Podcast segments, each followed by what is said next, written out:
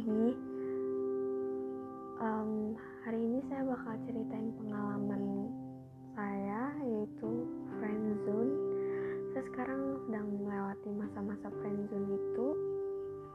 Ya, seperti yang kalian tahu, friendzone adalah jatuh cinta kepada sahabat atau teman sendiri. Ya, saya tahu itu salah masih nggak percaya saya suka sama dia. Yang awalnya kita cuma kayak saling nyaman ngobrol sama-sama asik dan sama-sama nyambung. Eh sayanya malah baper. Saya merasa bersalah.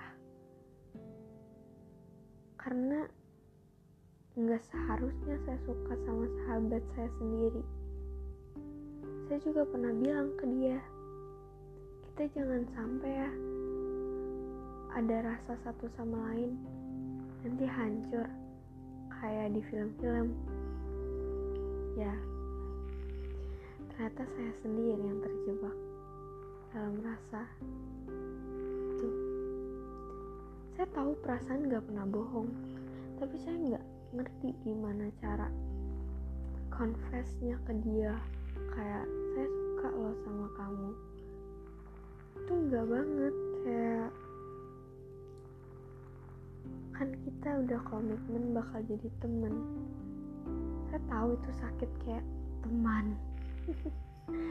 Cuma ya udahlah diapain